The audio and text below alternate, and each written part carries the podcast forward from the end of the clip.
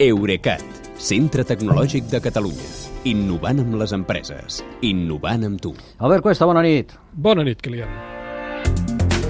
Ho hem dit en començar, dilluns que ve començarà el Congrés d'Apple per a creadors d'aplicacions i serveis i l'olla dels rumors i especulacions sobre productes nous, la veritat és que bull ja, eh? Sí, perquè tot i ser un congrés de software, eh, sol donar pistes de com seran els nous aparells de la marca. Eh, abans de les pistes, però, deixem que citi dues certeses que tenen a veure amb Apple. Aviam. Eh, La primera és que part de la producció de l'iPad s'ha traslladat ara de la Xina a Vietnam per esquivar les dificultats que els ha causat el Covid. De fet, una part dels iPhones ja els fan a la Xina, a la Índia, però és la primera vegada que Apple també migra la tauleta. Mm. I la segona certesa, aquesta sí que té a veure amb el programari. El navegador web Safari, que és el dels iPhones, els iPads i els Macs, Sí. eh, ja té més de mil milions d'usuaris i per això és el segon que assoleix aquesta fita. Eh, mil milions encara són menys de la tercera part dels 3.000 milions d'usuaris que té Google Chrome, però també són 5 vegades més que el dels que té l'Edge de Microsoft de Windows i gairebé 6 vegades més que el Firefox de Mozilla.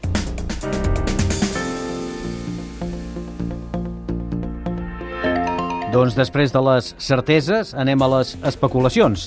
Les més intenses afecten el producte més popular d'Apple, que és l'iPhone, sens dubte, i em deies abans, un altre que encara no té.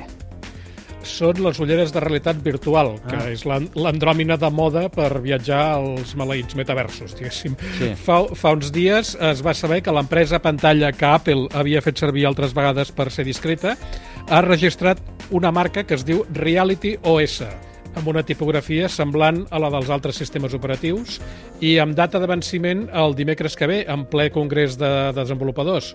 Uh, això i d'altres referències que s'han anat trobant al, al codi d'Apple han fet que alguns observadors pronostiquin que dilluns Apple presentarà un visor propi de realitat virtual. Ja. Però també és cert que hi ha altres analistes, dels que la solen encertar, que diuen que l'aparell encara està molt verd i no l'ensenyaran ni lluns ni de broma tot i les nombroses simulacions que, que circulen per la xarxa. I dels iPhones, què se n'espera?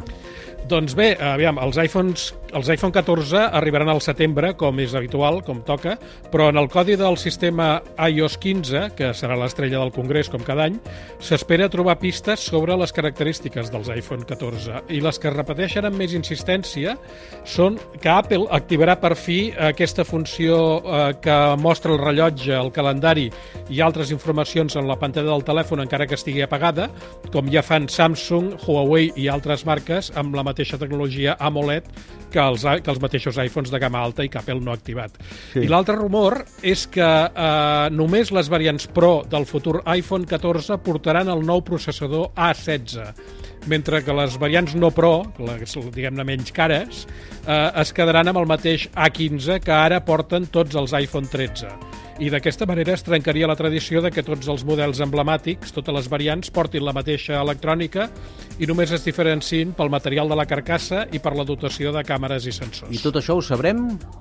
Ho sabrem dilluns, Dilluns. Que, aquí, que aquí tenim festa, però ho, ho, ho seguirem igualment i si hi ha alguna novetat l'explicarem aquí. Molt bé. Doncs moltes gràcies, que vagi molt bé, bona nit. Bona nit, Kilian, fins demà. Eurecat, centre tecnològic de Catalunya. Innovant amb les empreses. Innovant amb tu.